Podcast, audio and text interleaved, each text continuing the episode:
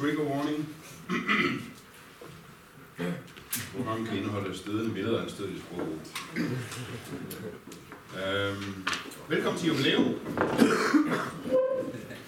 øh, det er jo 50 år for den, det er det vigtigste og mest omvæltende og fornyende årstal i vestens historie, 1968. The year that shaped the generation. Måske skal vi skrue ned på lyset, altså. Det er faktisk vigtigt, at I kan se skærmen og se mig.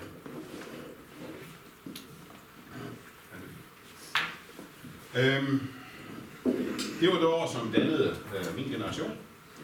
Jeg begyndte på gymnasiet i 1968. Øh, det vil sige, den dannede de ældste MF-lærers generation. Det var ungdomsoprørets år. Det var the peak year, hvor oprøret med autoriteterne og oprøret mod professorvalget på universiteterne oprør mod borgerlige dyder. Og det var temaer som kampen mod forbrugerismen, det var venstredrejningen, der var helt som universitetsmarxisme, oprøret med autoriteterne, selvudviklingen, kampen mod racisme, kvindefrigørelse, solidaritet, den globale solidaritet og den seksuelle frigørelse. Hvordan er så status nu 50 år efter? Jubilæumsår 2000. Hvordan står det til? Ja, øh, her har vi så ånden fra 68. Øh,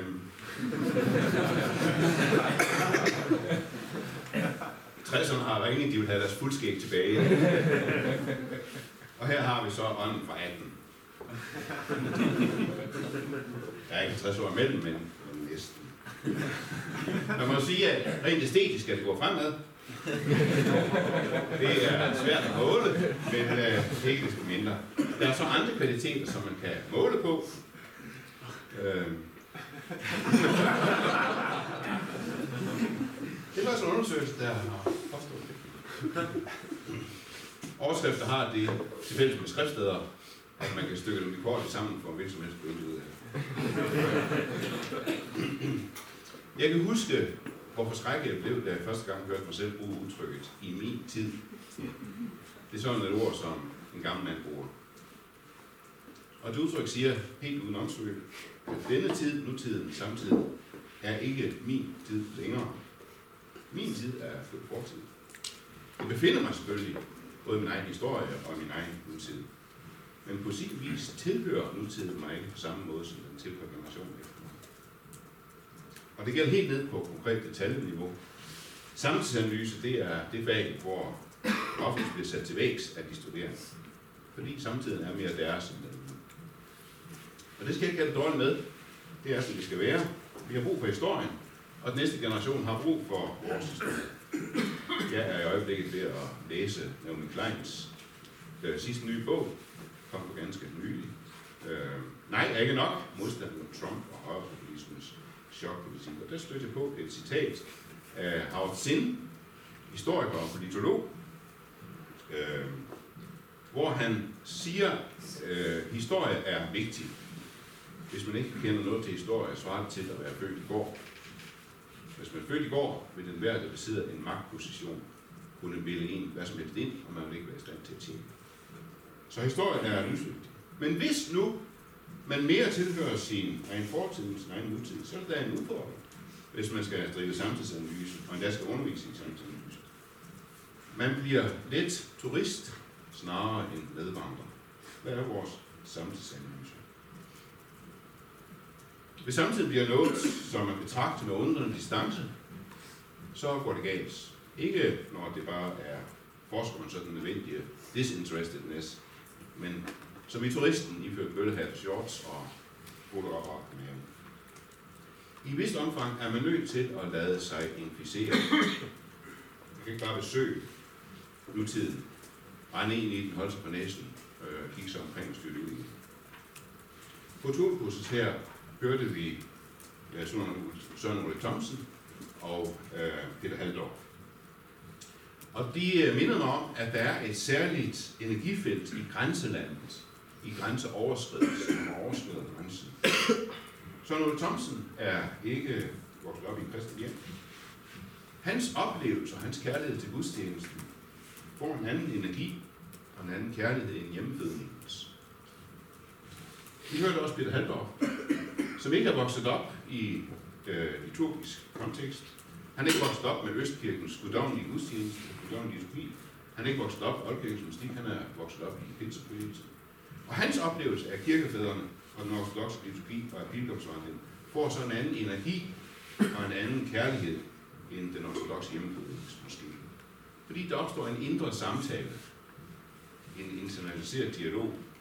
der er meget mere spændende og meget mere meningsfuldt end hjemmefødningens indre monolog. Man kan godt tænke noget tilsvarende om for eksempel den hjemmefødte missionsmands oplevelse af det moderne. Vi overskrider også en grænse, men ikke som turister. Det kan godt være, at vi ikke er født ind i det moderne, men vi kan ikke bare på besøg. Vi er måske ikke uden videre hjemmefødning i det moderne, men vores oplevelse af det moderne kan få en særlig energi, måske endda en særlig kærlighed, fordi vi ikke bare styrter ind i det, holder os på næsen og styrter ud igen øh, og, og, og takker være. Vi betragter det ikke bare skeptisk. Vi har internaliseret mødet med det moderne som en indre dialog. Vi tager samtidig ind, bliver en del af den, bliver medvandrere i det moderne. Vi ser ikke i det moderne bare en helt zeitgeist. Vi ser medmennesker, som vi deler tid og kultur og erfaring med. Bliver mit forhold til samtiden turisme eller medvandrerskab, bliver det til voyeurisme eller elsker? Elsker jeg med min tid? Elsker jeg tiden? Eller er jeg bare betragter?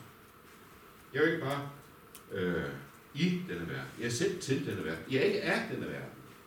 Øh, jeg deler ikke alle dens øh, værdier, men jeg er alligevel i den med hud og. Vi citerer jo i en uendelighed George Santianas berømte, øh, de som ikke kender historien, er dømt til at gentage dens fejltagelse. Det har ikke noget at indvende imod, jeg er selv en del af historien. Jeg synes, at folk skal kende den historie, en del af. Men jeg supplerer det med en tese, at de, som kun kender historien, og ikke nutiden, er dømt til at begå helt nye og kreative aldrig før set I krigshistorie er det et tilbagevendende tema, at herledelsens strategier hele tiden defineres ud fra den forrige krigs øh, slagmark. Derfor går det hele tiden galt.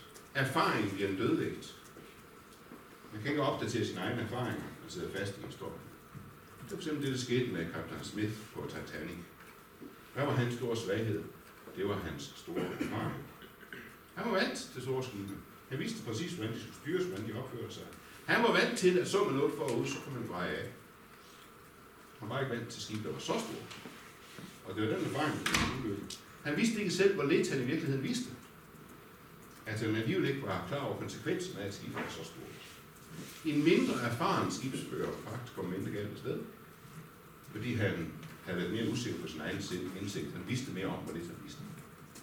Så det kan sagtens ske, at den gamle teologs værste hemsko er hans store fejl.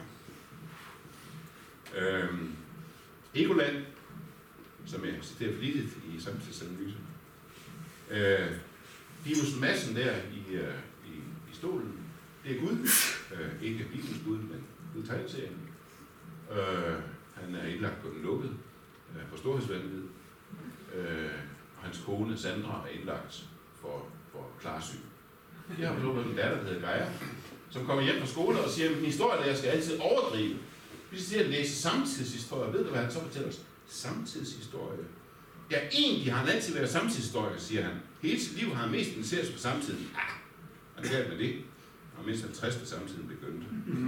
Samtidshistoriker skal selvfølgelig født i går. Nu taler du om ældre samtidig ikke. Så det er et tåbeligt fag. Man kan aldrig vinde bunken for at stoppe forandre sig hele tiden. Jeg kan huske nu, hvor meget det krympede sig i mig første gang, jeg måtte opgive mit fede eksempel om Britney Spears Madonna. De ikke, hvad jeg snakkede om. det var forældet. Det kan jeg godt droppe også. Jeg har så forsøgt at opdatere det med Miley Cyrus og, og Lady Gaga, men det gik ikke. Det gik i hvert fald kun én gang. Det går stærkt. Forfatteren Kasper Kolding Nielsen havde den her artikel for nylig. Vi når ikke at kende verden, før den er forandret. Hvad er teologisk samtidsanalyse? Det er ikke analyse i videnskabelig forstand. Vi forstår faktisk ikke samtidig, vi fortolker det. Vi forsøger at fortolke det efter bedste evne. Og faren ved fortolkningsøvelsen er indlysende. At vi fristes hele tiden af egen subjektivisme, af egen fordomme. Eller vi fristes af øh, fristelsen til at vælge illustrationer og eksempler, som er sjove og spektakulære, snarere end dem, der er præcise. Men er det så overhovedet risikoen der? Det er risikabelt at, at drive fortolknings, øh, samtidsfortolkning. Hvad er pointen med teologisk Det er ikke at dømme tiden, men at tjene tiden. Ikke at dømme tiden, men at tjene tiden. Og det kan godt være, at vi hen ad vejen kommer til at kritisere tiden og kritisere kulturen. Men det er ikke det første, vi gør. Det første, det er, at vi jagter den generøst og velvilligt og ikke fordømmende. Når man for eksempel sidder i s og ser hele problemet sidde med næsten i smartphones, så kan man godt slå et bekymret blik på, slå, det, slå øh, fordømmelsen til, og, og se sådan en samling af til skærmfetisister. Det er en meget populær betragtningsmåde, også blandt ikke-kristne sociologer. Og vi møder den her bekymring, den her advarsel overalt. Næsten som om folk uden de her smartphones ville have siddet i, i hyggelige og vennesætte konversationer herinde. Folk har aldrig snakket med hinanden i Østrig. Så når jeg sidder og ser alle de der nakkebøj ned over telefonen, så ser jeg folk, der læser og spiller, er i kontakt med venner, holder sig opdateret på verdens gang. Det er det velvillige generøse. Og når jeg så læser de her bekymrede undersøgelser og debatter over den tid, folk bruger på PC-skærme og tv-skærme, så skulle man næsten tro, at familien før i tiden havde siddet i hver sin læsestol, lænestol med læselampen og kvalitetsroman. Øh, men folk har altid spildt tiden ældre. Et andet eksempel. Selv de forfærdelige skilsmisseprocenter har positive sider. I det mindste siger de, at folk blev klar over, at man i et ægteskab også helst skal kunne lide. At det ikke er meningen med et ægteskab, at man bare skal blive sammen af pligt, eller for skams skyld, eller for børnens skyld. Og det er vigtigt. Man skal kunne lide hinanden. At løsningen så bliver katastrofal, at man går fra hinanden, det er forsøgt på. Det velvillige, generøse og ikke fordømmende blik kan være lige så sjældent blandt sekulære meningsdannere som blandt kristne Bekymringerne og forarvelserne har altid solgt bedre, så bliver det af din optimisme og velvillighed. er for nylig om en opdateret udgave af det berømte skumfidusforsøg. Det er et psykologisk eksperiment, hvor børn får øh, tilbudt en skumfidus, og det er så den klassiske udgave, man kan også variere med lakrids. Ja. Øh, de får så at vide, at de må spise den, når de vil, men hvis de kan vente med at spise den til et bestemt tidspunkt, så får de en mere. Og det er jo så en test i behovsudsættelse. Kan man styre sig? Har man selvkontrol? Kan man foretage et rationelt valg i forventning om bedre mulighed? Det interessante er, at det forsøg har man gennemført i 50 år nu. Og så vil jo rigtig mange gætte på, at øh, hvis man sammenligner udviklingen i de, over de der 50 år, så vil jo nutidens børn være så driftsstyret og i den grad mangle selvkontrol, at mange flere i dag øh, snupper skumfidusen, i stedet for at kunne vente. Det er faktisk også modsat. Flere børn i dag har faktisk selvkontrol og er bedre til at udsætte sine egne behov, end de var for årtier siden. Så ting går altså ikke automatisk fra slemt til værre. Øh, det handler meget om at vende sig til ting. Øh, en artikel her for ganske nylig i politikken om øh, den digitale øh, ungdom, for hans mor har de unges digitale verden krævet lidt tilvænning for faste vendinger, betyder ikke længere det samme, som de gjorde engang. Jeg blev lidt overrasket. Første gang han sagde, at han skulle være sammen med vennerne, Han blev alene på sit værelse og tændte sin Playstation. Men for ham er det også at være sammen. Eller en anden, øh, lige midt på her. Der masser af forskere, der mener at kunne påvise et fald i empati hos unge. Jeg forholder mig skeptisk over for det. Vi kan se, at samtidig med at spil er blevet en del af børn og unges fællesskaber, er vold og andre typer kriminalitet faldet blandt unge. Så man kan også sige, at unge er blevet mere empatiske. Det handler om, hvilket blik man slår til. Måske noget der. Og vel er der skræmmende aspekter i skærmafhængigheden. Indsigtsfulde fagfolk, de advarer om skadevirkningen af skærmafhængigheden, og det er alligevel noget, noget andet end når bedsteforældre bare øh, bekymrer sig alt det der moderne djævelskab. For få år siden var det de voksne, der klagede over, at børnene altid hang over computerskærmene og computerspil. I dag er det børnene, der klager over, at far og mor ikke er til at råbe op, for de sidder med næsen nede i smartphonen og skal hele tiden tjekke mails og likes. Så selvfølgelig er børns vanskeligheder ved behovsudsættelse, voksnes skærmafhængighed og skilsmisseprocent, det er det grunde til bekymring. Men det er bare ikke det første, vi slår til. Og det er ikke vores første automatfunktion. Da jeg var ung teolog, der virkede det samtidig som om, man skulle godtgøre sin teologiske seriøsitet ved at finde noget i tiden og være urolig for. Det var ikke nødvendigvis farisæisk øh, øh dømmesyge, men man var bare ikke rigtig voksen som teolog, før man kunne promovere en ny bekymring. Noget farligt i tiden, man kunne advare imod. Helt ned til detaljer i børnenes legetøj. Samtidsbekymringer, det var den sande teologiske manddomsprøve. Og der havde vi ikke engang internettet og mobiler og Facebook at være bekymret over. Til gengæld havde så kommunismen at være bekymret over. Og den var meget bekymret for, og med god grund. Højrebølgen, den kom jo først senere. Og da først højrebølgen kom, var der alt for få kristne, der kunne finde ud af at bekymre for den. Det er til at blive helt bekymret over. Så samtidsanalysen handler altså ikke om at betragte sine medmennesker udefra, men om at forsøge at betragte verden med sine medmenneskers blik. Prøv, prøv at se verden. Med, det, det er ikke så meget, mine medmennesker kigger på. Jeg prøver på at kigge på verden med deres blik. Jeg prøver på at kigge med, på kristendommen med, med deres blik. Og som en af mine venner for nylig øh, sagde til mig, det er jo en øvelse i individualisering. At man prøver at se sig selv udefra, og man prøver at se andre indefra.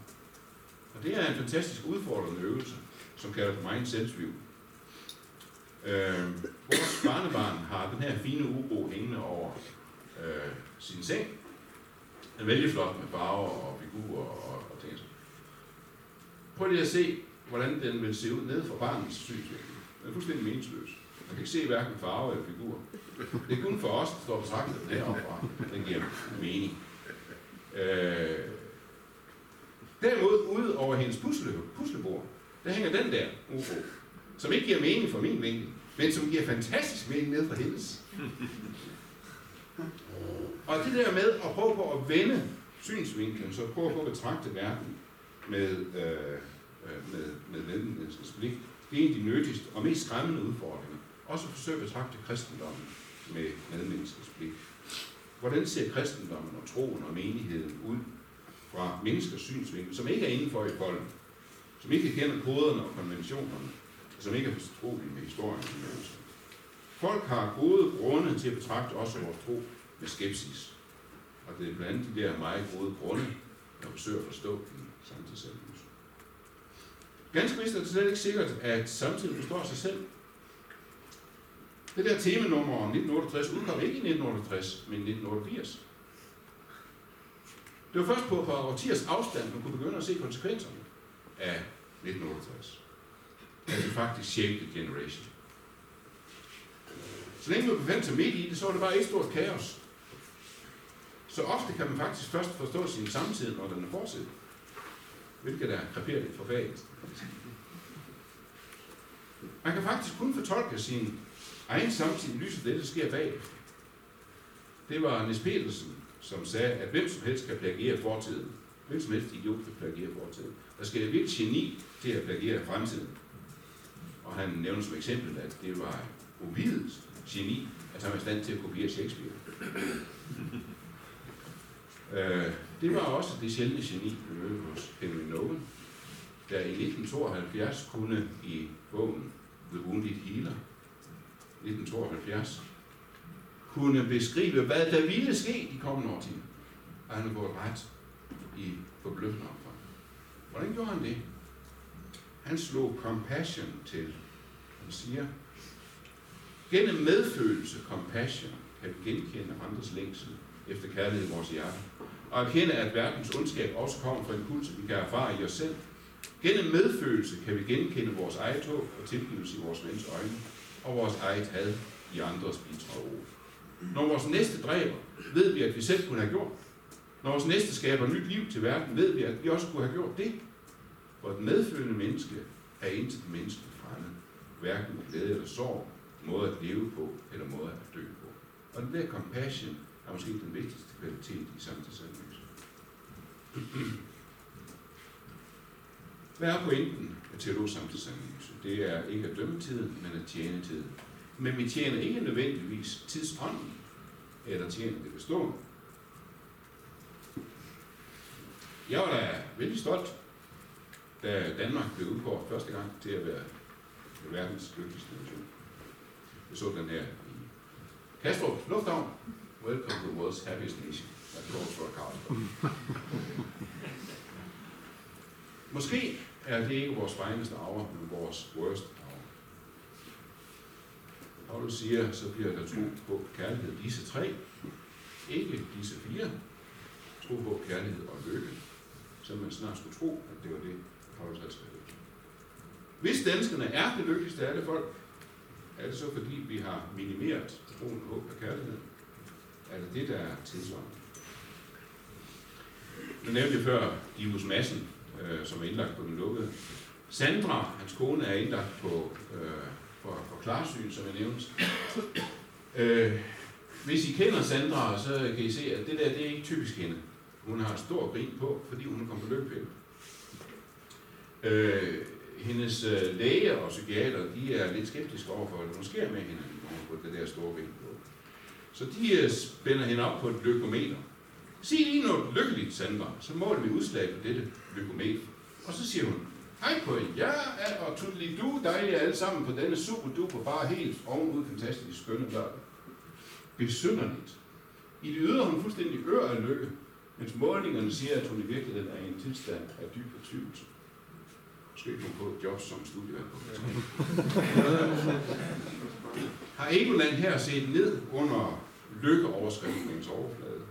Mere præcist end nogen sociolog eller politolog. Paulus siger, at størst af dem, størst af troen og kærlighed, er kærligheden. Og han fortsætter i 14. Jag efter kærligheden. Kærligheden er det, vi jager. Mens mange danskere har mennesker sig til at tro, at kærlighed er noget, der indfinder sig af sig selv, eller forlader os af sig selv. At vi er det lykkeligste af alle folk, er måske virkelig et udtryk for, at vi har ramt ved siden af selve målet for vores eksistens, som en tro, håb og kærlighed. Så skal vi egentlig være bekymret for noget til tiden, så er det nok vores største bekymring. Ja, efter lykke og tage pladsen efter, for ja efter øh, kærligheden. Paulus virker ikke helt luthersk her. Uh, det kan godt blive bekymret over. Jeg bliver jo nok som lutheraner have foreslået Paulus, at han skrev størst af alt af troen. Men det gør han ikke. For det er hverken i troen eller håbet i Gud, det er i kærlighed. Hvad sker der så i en verden, hvor kærligheden i i juli skete det her forfærdelige terroristangreb i London, hvor syv blev dræbt. Og det er ganske forfærdeligt. Men i måneden for inden skete det her brand i Grenfell Towers, hvor man havde 10 gange så mange dødsfald, næsten 80. Hvorfor? Fordi man af øh, sparegrunde havde fravalgt øh, brandsikker materiale i yderbeklædningen. 10 gange så mange bliver dræbt. Hvorfor gør det ikke så meget indtryk på os som terrorangrebet?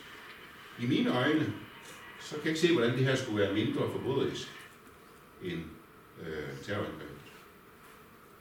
Så måske var der alligevel ikke en helt tårlig sammenstilling af overskrifter. Nu gør jeg det igen.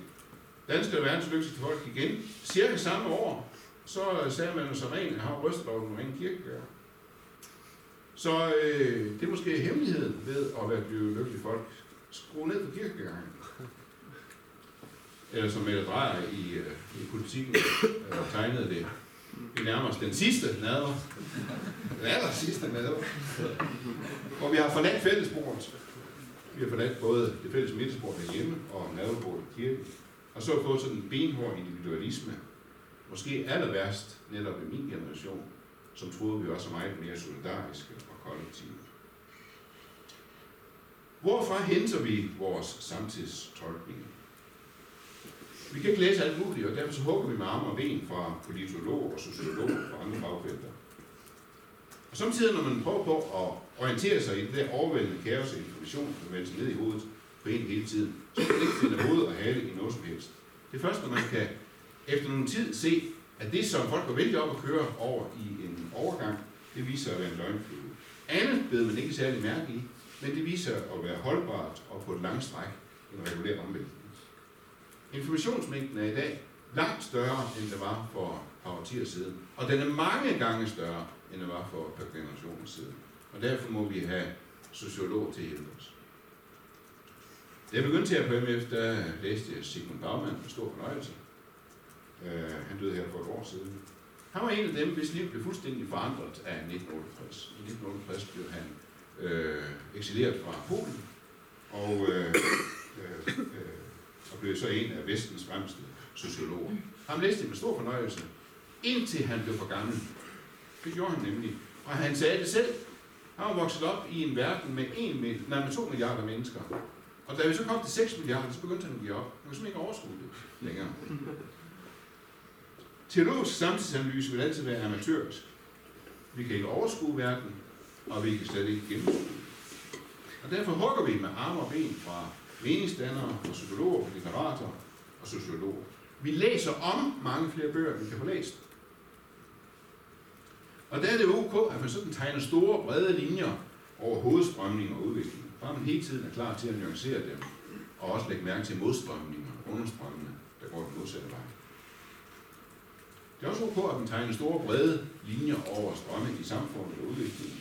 Der man hele tiden er klar over, at det enkelte menneske, og det er det, der er vores fokuspunkt hele tiden, kan stå et helt andet sted, og være fuldstændig uberørt af den der hovedstrøm, som vi er så optaget af, og som trækker de store Man kan også for sjov skyld prøve på at analysere teologers og politikers analyser af samtiden. Hvordan analyserer teologer og politikere samtidig? Hvis man analyserer en teolog eller en politikers analyse af samtiden, så er der en væsentlig risiko for, at den analyse vil sige mere om den pågældende teolog eller den pågældende politiker, end om samtiden. Jeg nævner netop teologen og politikeren, fordi det er de mest forudindtagede. Forskerens ideal om disinterestedness er næsten umulig for en teolog eller en politiker. Hvis du så omkøber en teolog med en politisk dagsorden, så går det helt galt. Det her det er ikke bare det er ikke bare vanskeligt, det er dødsensfarligt. Mængden af information gør os ikke klogere, men dummere. Informationssamfundet blev et filter, hvor vi hver især lever i individuelle, helt forskellige bobler, med et individuelt newsflow, defineret af vores egne individuelle fordomme og vores egne individuelle søgehistorie. Men også er markedets mest kyniske algoritme. Så risikoen bliver, at vi bare leder efter illustration, og vi bare leder efter eksempler på det, som vi i forvejen har besluttet os for at mene. Så som akademiker, så kan man altså til at gøre lidt vold på sine egne forskerinstinkter. For vi har ikke objektive og evidensbaserede parametre at gå efter i ret meget af det. Det, der så kan redde en fra øh, det subjektivistiske misbrug, det er ikke forskerens, først og fremmest, det er ikke forskerens øh, ideale disinterestedness. Det er mere en solid selvtvivl. En sund, solid selvtvivl kan få en til at stille spørgsmål ved ens egne fordomme og præmisser. Så man skal ikke være stolt, for stolt til at hente hjælp udefra. Man skal ikke have for stolt til at hente hjælp til at forstå. Ingen kan blive ekspert i alt muligt. Men man kan læse weekendavisen, som er den bedste avis i Danmark. Eller i hvert fald den bedste borgerlige avis. Man kan også gå ind og læse for eksempel Kulturstyrelsens rapporter som er en af nogle hedder Slots- og Kulturstyrelsens rapporter. Øh, som for eksempel lige her i januar har udgivet en meget interessant rapport, forbrug og priser over folks medieforbrug. Hvordan anvender vi vores penge i medierne? Udgifter til skrevne medier, og det vil sige aviser og bøger og magasiner og netaviser. Det blev opgjort per hjem i 2006 til at være 4147 kroner. Og i 2016 til 2279 næsten halvering af det, vi bruger på skrevne medier. Og ikke bare trykte medier, men også på netaviser og netmagasiner. Og så kan man læse sådan en rapport og få nogle tal på bordet. Man kan også bare gå ud til sin skraldespand. Sin nye skraldespand, og lægge mærke til, at rummet til plastik er tre gange så stort som rummet til papir. Og så kan man ikke lade med at tænke, at øh, en kultur, som bruger tre gange så meget plastik som papir, har dødsdømt sig selv.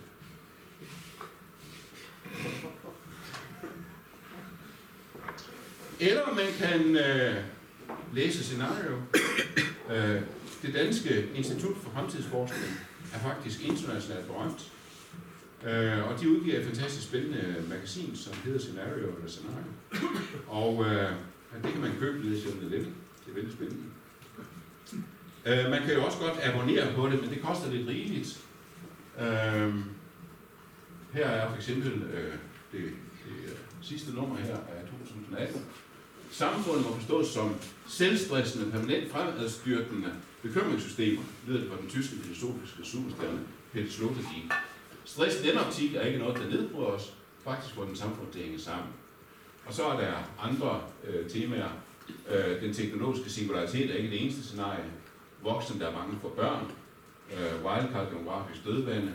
Yoga på yogans løft og mindre fred hænger et dyrt prismærke osv. Vældig spændende artikler, som tager afsæt i øh, nutidens øh, trends, og så fremdaterer det. Men det er også lidt dyrt. Øh, 59.000 kroner om året for at blive medlem. Øh, der er så også en, en, øh, øh, en for, for enkelte personer. 15.000 kroner. Øh, nej, så jeg har ikke tænkt mig at blive medlem. Jeg køber den løst. Øh, det er noget, vi gør. Så det kan man gøre. Man kan læse scenario, og man kan abonnere på de her, øh, ja, hvis man har penge til det. Eller man kan bare abonnere på Netflix. Og gå ind og se serien Black Mirror. Som er noget af det fedeste, jeg har set. Det er dybt skræmmende. Rent dystopisk. Fordi de her frygtelige dystopiske scenarier, som Black Mirror nævner og beskriver, de er ikke bare grebet ud af den blå luft. De er nutidstrends ganget med to, kan det samtidig bare med hinanden.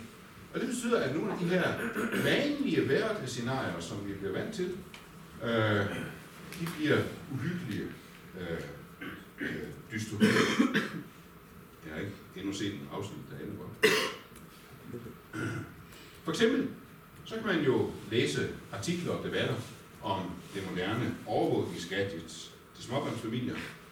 Men man kan også gå ind i Netflix og se Black Mirror og se en, øh, et afsnit om, hvad der sker, hvis de her overvågningsgadgets bliver implanteret øh, i barns hjerne.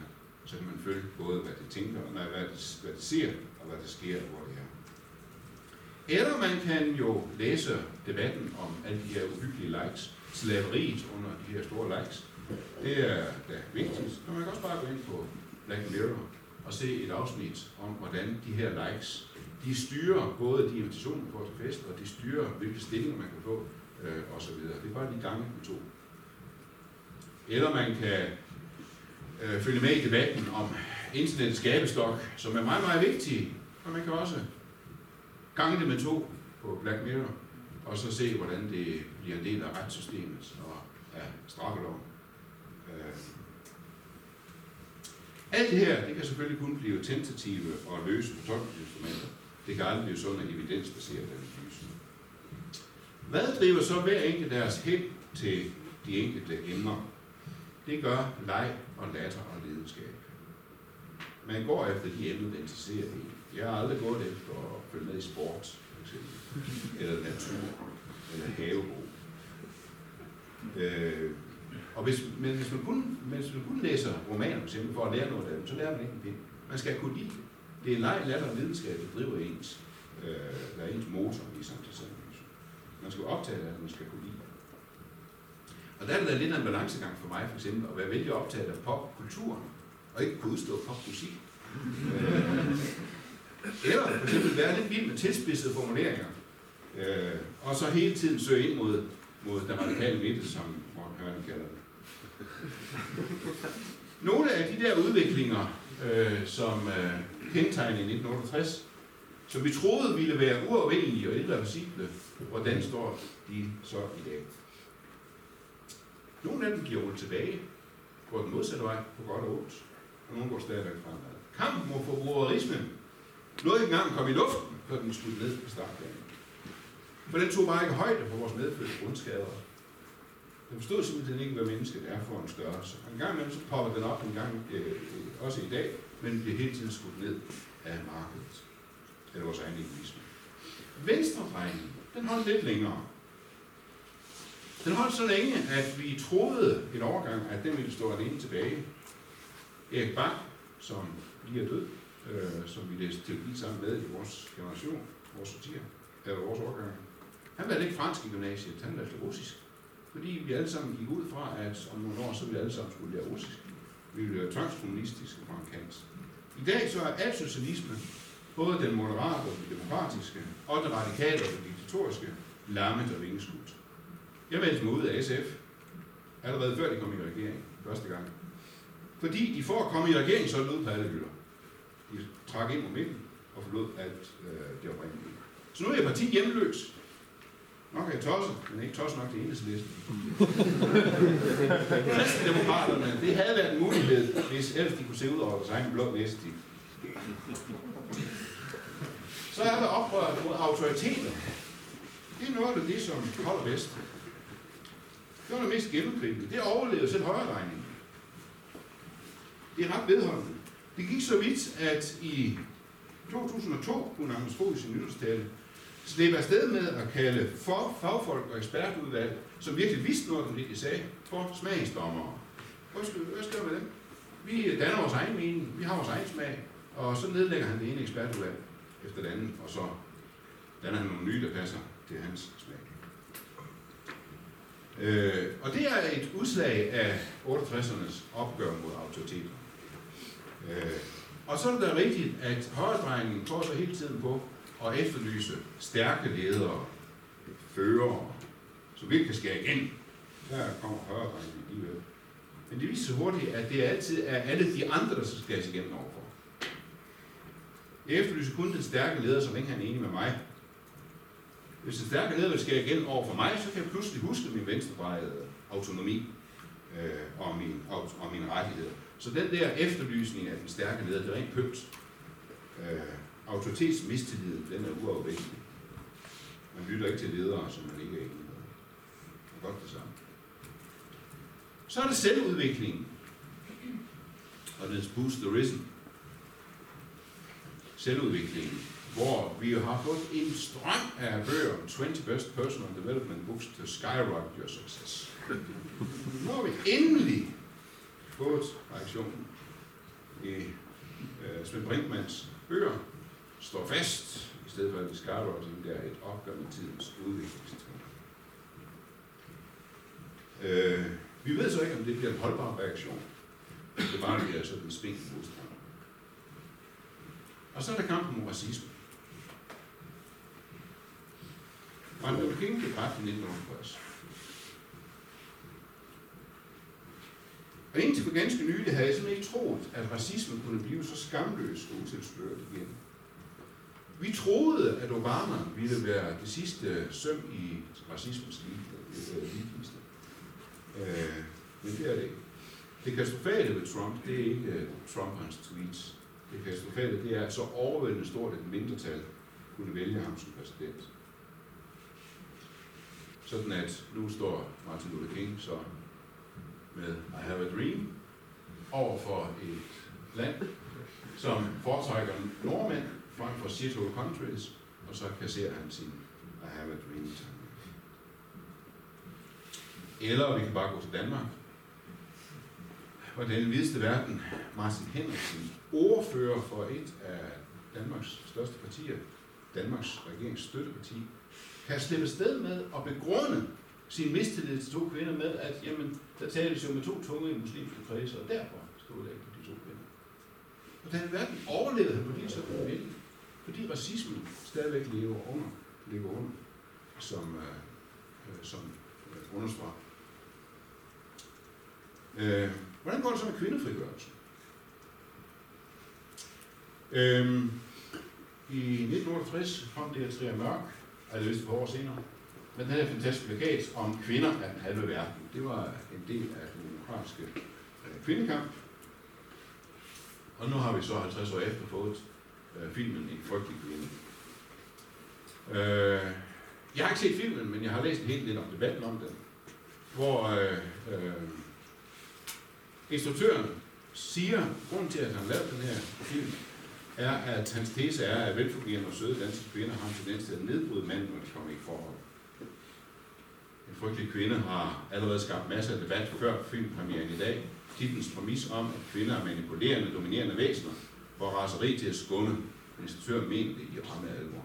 Fordi han mener ikke, at der bare er nogle enkelte tossede kvinder, som er sådan. Men det ligger simpelthen til kvinden. Det ligger særligt til velfungerende og søde danske kvinder. Og selvfølgelig, hvad har folk tænkt sig? Havde folk tænkt sig, at kvinden skulle blive empowered, og så ikke bruge deres power? Det kan spille fire. I selv det kærligste ægteskab foregår også en magtkamp. Jeg tror ikke faktisk, at jeg vil have noget at indvende imod fortællingen. Jeg tror, det er en udmærket fortælling. Øh, jeg tror, det er en udmærket skildring. Det, jeg har noget imod, det er titlen. Det, den skulle have heddet, det var en frygtelig kvinde og frygtelig skvat. For der skal der to til at konstruere så destruktivt et mønster. Og det kan godt være, at det er et fremskridt, at der ikke længere er kulturel konsensus om, at alle mennesker altid skal dukke nakken skyldige over for feministerne. Men det er da en ynkelig måde at lede efter sine forkrampede og for svundne nosser på. en gang gav feminismen skylden, øh, mindre skylden for alt dårlige i verden. For eksempel med, med slogan, der findes ingen frigide kvinder, kun dårlige elskere. Sådan kunne feministerne sige engang. Det havde det også, at det skulle være kvindernes skyld, når der er noget galt i et ægteskab. Selvfølgelig er der magtkamp i et ægteskab. Kunsten er at gennemføre magtkamp på en måde, der højner og vitaliserer kærligheden, i stedet for at kvæle Nu står det så til med solidaritet, den globale solidaritet. Ja, i Danmark står det sådan til, at vi står alene med nej til kvoteflygtninge. Noget af det mest vanvittige, øh, og jeg kan faktisk ikke forstå, at vi, vi, øh, vi ikke går på gaderne øh, i, i protest. Fordi her er der ikke tale om, en, om, om at skælde mellem migranter og lejlighedsflygtninge og luksusflygtninge og så ægte flygtninge. Det er nogle af de dårligst stillede flygtninge, som vi siger, dem vil vi bare ikke have, selvom FN har tildelt os en kvote. Det er flygtninge, der har været udsat for tortur eller med alvorlige sundhedsproblemer, som Danmark har sagt, vi vil bare ikke have dem. Som det eneste land. Og det er i det her land, hvor regeringen har skrevet i regeringsgrundlaget, at vi er kristendom. Og nu kommer så et af de stødende billeder, som jeg øh, troede med i, i trigger warning. Otte mænd ejer for tiden det samme som halvdelen af verden. Otte hvide mænd. Ejer det samme, det, halv, det samme som halvdelen af jordbefolkningen. Vi troede, at uligheden i verden ville mindskes, den vokser. Oxfam, som har stået på den her undersøgelse, de har kun undersøgt formuer og ikke indkomst, og ikke undersøgt forbrugsmyndigheder. Og det er en svaghed. Og kampen mod ekstrem fattigdom går faktisk den rigtige vej. Det er gjort det hele. Og tallet er også en taknemmelig størrelse. Men der er andre studier, som har modeller, som siger, at siden 1960, så er den globale ulighed, også når man indregner indkomst, tredoblet. Det her det er ikke bare stødende, det er husforspottet. Det er jo så her, at det generøse og velvillige blik på samme tid både sammen for mit vedkommende. Inflation havde lige den her artikel. Kapitalismen, det er en artikel af Rune Lykkeberg, som jeg bestemt har min forhold over for. Over for. Kapitalismen skabte en kultur, som skabte et monster, som blev præsident. Donald Trump er ikke en hævner, der pludselig dukkede op for helvede og kom ind i det hvide hus. Han er en på fire årtiers kulturhistorie, skriver Rune I torsdags var jeg i Topbold i Kolding og se en vældig spændende udstilling om Eat Me. Hvad betyder mad for os? Og ja, den der institution, det er en kop, der står på et bord, hvor hele koppen og hele bordet og hele stolen er syltet ind i krymmel, kagekrymmel. Øh, det var virkelig interessant øh, udstilling, meget provokerende. Øh, hvad er kød? Er der lavet kød? Øh, hvad putter vi i indkøbsvognen? Det er en kunstner, som har et helt bjerg af sukker, og så stiller en ind midt i. Det er vældig spændende. Der kommer omkring madens betydning for sansning, for identitetsdannelse, for kulturen, for fællesskabet osv. Der så jeg jo ved at være igennem udstillingen, så begyndte jeg at undre mig. Og jeg spurgte så den søde guide, om det nu kunne passe. Der var ikke et ord om, der skulle undersøge, hvad betyder mad for os. Der var ikke et ord om, at det også handler om overlevelse. At mad også handler om at stille sult. Og den søde guide var nærmest himmelfældet. Hun har aldrig tænkt på det. Hun siger så, at jamen, udstillingen handler sådan mest om, om maden i kunsten og i kulturdebatten. Jo tak, men det er jo ikke sådan, at sult er et fraværende emne i kunsten og i kulturen. Og det er faktisk det, at mad er beregnet til at stille sult og beregnet til overlevelse, er jo den fundamentale, det mest elementære, Og den historisk alt overskyggende betydning af mad, men det var slet ikke med i. Det var first world problems, first world issues. Jeg var lidt loren ved at komme ind på det over for guiden der, fordi jeg selv havde lige siddet og mæsket med nede i caféen. Men alligevel. Hvordan går det så med kristenhedens syn på den globale solidaritet? Et par eksempler efter Katarina. Orkan Katarina i New Orleans. Hvordan reagerede vi som kristne på det? Eller hvordan reagerede amerikanske kristne på det? Richard Baker er medlem af kongressen for Louisiana, og han siger så om orkanen Katarina, endelig har vi fået ryddet, ud i det sociale boligbyggeri, boligbyggeri i New Orleans. Vi kunne ikke selv, men Gud kunne. We finally cleaned up public housing in New Orleans. We couldn't do it, but God did. Så det er altså Guds plan, Guds værk, at nu vi kan komme til med nogle, øh, med nogle øh, privatiserede bygninger. En redningsorganisation, øh, Lighthouse Ministries, tog sig betalt med 35 millioner kroner for at sætte en midlertidig lejr op til, nød, til nødhjælpsarbejdere. De kom aldrig i land med projektet. Det var ikke bare sådan, at, at uh, det, det lykkedes, men der var masser af produktion i det. Og i programmet uh, øh, News Hour with Jim Lehrer, så, så indrømmede faktisk lederen af det der projekt, uh, Pastor Hildreth, at han havde aldrig haft større erfaring med sådan noget end at, end at organisere øh, søndagsskolelejre for børnene i kirken. Det var hans erfaring. Og så forsvandt alle de her millioner, som skulle bygge lejre til nødhjælpsarbejde. Det var udygtigt, men det var også en korrupt. Eller den republikanske, meget ideologiske tænketank, Republican Study Committee, samlet her til møde, benyttede det enorme kaos i New Orleans til at omstrukturere administrationen i New Orleans, sådan at nu skulle den fremover styres af frie markedskraft. En arbejdsplan med 32 punkter skulle afskaffe mindsteløn, skulle afskaffe reguleringer af energiselskaber og industrikomplekser, skulle privatisere skolevæsen osv. Og den begejstrede formand for uh, Republican Study Committee var der, uh, øh, uh, øh, Mike, Mike Pence, uh, USA's ånde, evangelikale vicepræsident. Så øh, jeg kan ikke lade være med at, og, øh, ja, at lige vise jer den her karikaturtegning. Den er ikke specielt seriøs. øh, som kom lige før jul. And little child shall lead them. Med reference til Esajas bog. Øh, og hvad er det, han leder ham der, øh, den lille barn med, med sine skældsord, sine tweets. Det er evangelicals øh, udtager, de følger helt udrimeligt roligt efter. Politisering af kristendom er en anden måde at stræbe efter kirkemagt på.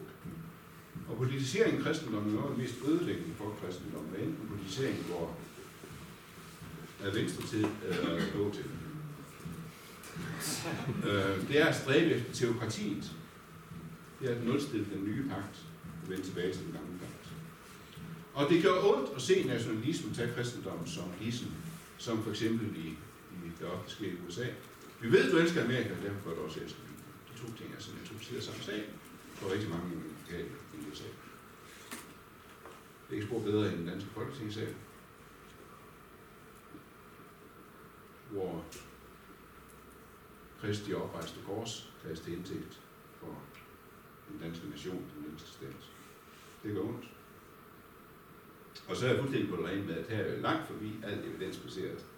Øh, her er langt over i fortolkningen, i et forslag til fortolkning blandt mange mulige Og så kommer så sidste eksempel, den seksuelle frigørelse. Time øh, valgte her sidste år Personal of the Year, som de altid gør. Og øh, det var så i forbindelse med MeToo-bevægelsen. Personal of the Year er faktisk hende her. Hvis albu lige stikker ind i billedet, nemlig den, der ikke har turt komme frem med.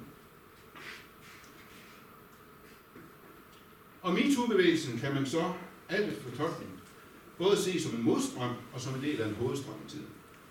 Begge betragtningsmåder giver mening.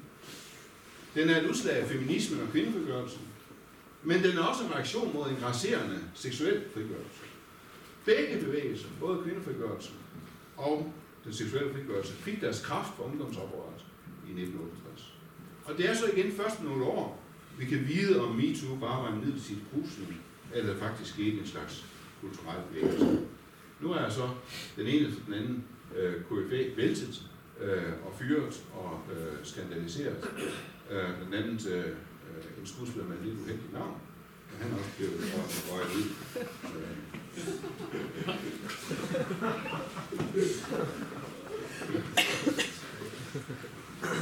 øhm, for nogle år siden, i 1999, der udgav Annie Leibovitz, Annie Leibovitz øh, en øh, meget fin fotobog, Women. Og nu er hun så for nylig her kommet med en fotobog mere. Fantastisk fotograf, Annie Leibovitz Portraits fra 2005-2016.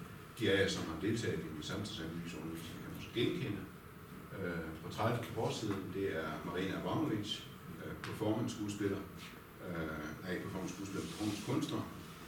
Og øh, så anmelder Jes Petersen i politikken så øh, den her, øh, den her nye øh, fotobog, hvor han så støder på et foto af Harvey Weinstein, eller hedder Weinstein, øh, Weinstein, altså den første, øh, som blev væltet af MeToo-bevægelsen. Øh, og så siger han, og det er så min fremhævelse, efter at jeg har set det foto af Harvey Weinstein, forvandles fotobogen med et slag mellem hænderne på mig. For der er jo også på de sider, der er på Woody Allen, Trump, som vi alle ved også er en del af årets skældsættende MeToo-historie. Fordi verden i år har bevæget sig voldsomt efter Leibniz første bog, eller forrige bog, Women, fra 99 udkom, er det muligt at kigge i den, uden at medreflektere det kønspolitiske jordskred, som gik i gang, da MeToo-bevægelsen tog fart. Her slår han helikopterblikket til. Så helikopterblikket til. Han trækker lige et skridt tilbage og siger, hvad betyder det her i langløb? Og så ser han pludselig på med, med andre øjne. Øh, han, han, øh, han, han ser den fra, fra, den anden, fra den anden vinkel. Øh, og så kan man godt sige, og det har jeg flere gange tænkt i, i forbindelse med MeToo-bevægelsen, at de skulle bare have lyttet til os. Vi har jo længe vidst, at hvis der er noget, vi, man skal, så er det at holde bukserne på. Og så er det, at man skal lade være med at rave på folk, man ikke er gift med. Men hvorfor skulle de lytte til os, hvis de kun har oplevet vores advarsler og vores formeninger som øh, farisæisk dømmesyge? Så kan jeg slutte med passende og nævne det her som et helt reelt dilemma i samtidsanalysen, som jeg ikke rigtig har nogen løsning. Hvor ubeskyttet skal jeg bevæge mig i tiden? Hvor ubeskyttet skal jeg bevæge mig i tiden? Jeg indledte jo med en trigger warning, så nu kom det, kunne der komme stødende billeder og stødende udsagn. Øh, et, af, en af dem, det er det her. En af efterdønningerne af MeToo-bevægelsen, det er, at for ganske nylig, så har 10.000 gæster på Lavette Museet i New York skrevet under på et krav om, at Baltus billede af Teresa of Dreams skal fjernes fra udstillingen. Fordi det er stødeligt. Er det det? Skal det fjernes? Jeg ledte efter den bedste gengivelse af billedet på nettet, og røg blandt andet det på hjemmeside, som min øh, øh, malwarebytes blokerede, fordi det var en farlig side. Øh, og så er jeg klar over, at så var det også brugt uskyld, øh, øh, ikke, ikke uskyldigt. Øh, og det bliver ikke læst, det bliver ikke set uskyldigt. Og når man ser, hvad ellers Baltus eller Baltus, øh, hvad han egentlig har malet ud over Therese, så kan man godt se, at han har ikke været øh, ren af hjertet. Når man er i godt hjerte hader seksualiseringen af børn, så kan jeg godt følge protesten. Men jeg hader også censur. Jeg hader også bogafbrændinger.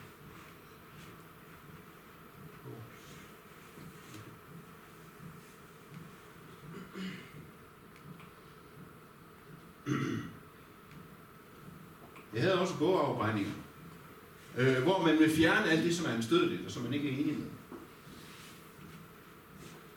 Det var jo ikke bare øh, Hitler, som, som krævede øh, bøger af venstreorienterede og jødiske øh, forfattere brændt.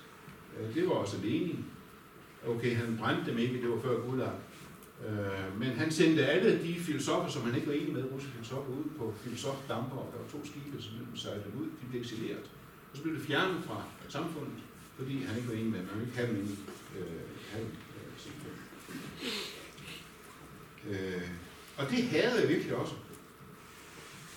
For tiden er der et krav i amerikanske universitetsmiljøer om trigger warnings, at alle, alle pensum hvor der kan komme krænkende eller stødelige udsagn eller stødelige bøger, skal forsynes med advarsel. Jeg har også min advarselsmarkat, når jeg sætter en, øh, en, en reol ind i 100 samtidsromaner, som, som man skal læse til, til, øh, til samtidsanalyse. Øh, hvor jeg skriver, at der kan være både blasfemisk og erotisk indhold, men den ikke for, at så skal vi fjerne dem, men fordi deal with it. Vi skal lære at navigere i det. Vi skal ikke, vi skal ikke undgå det.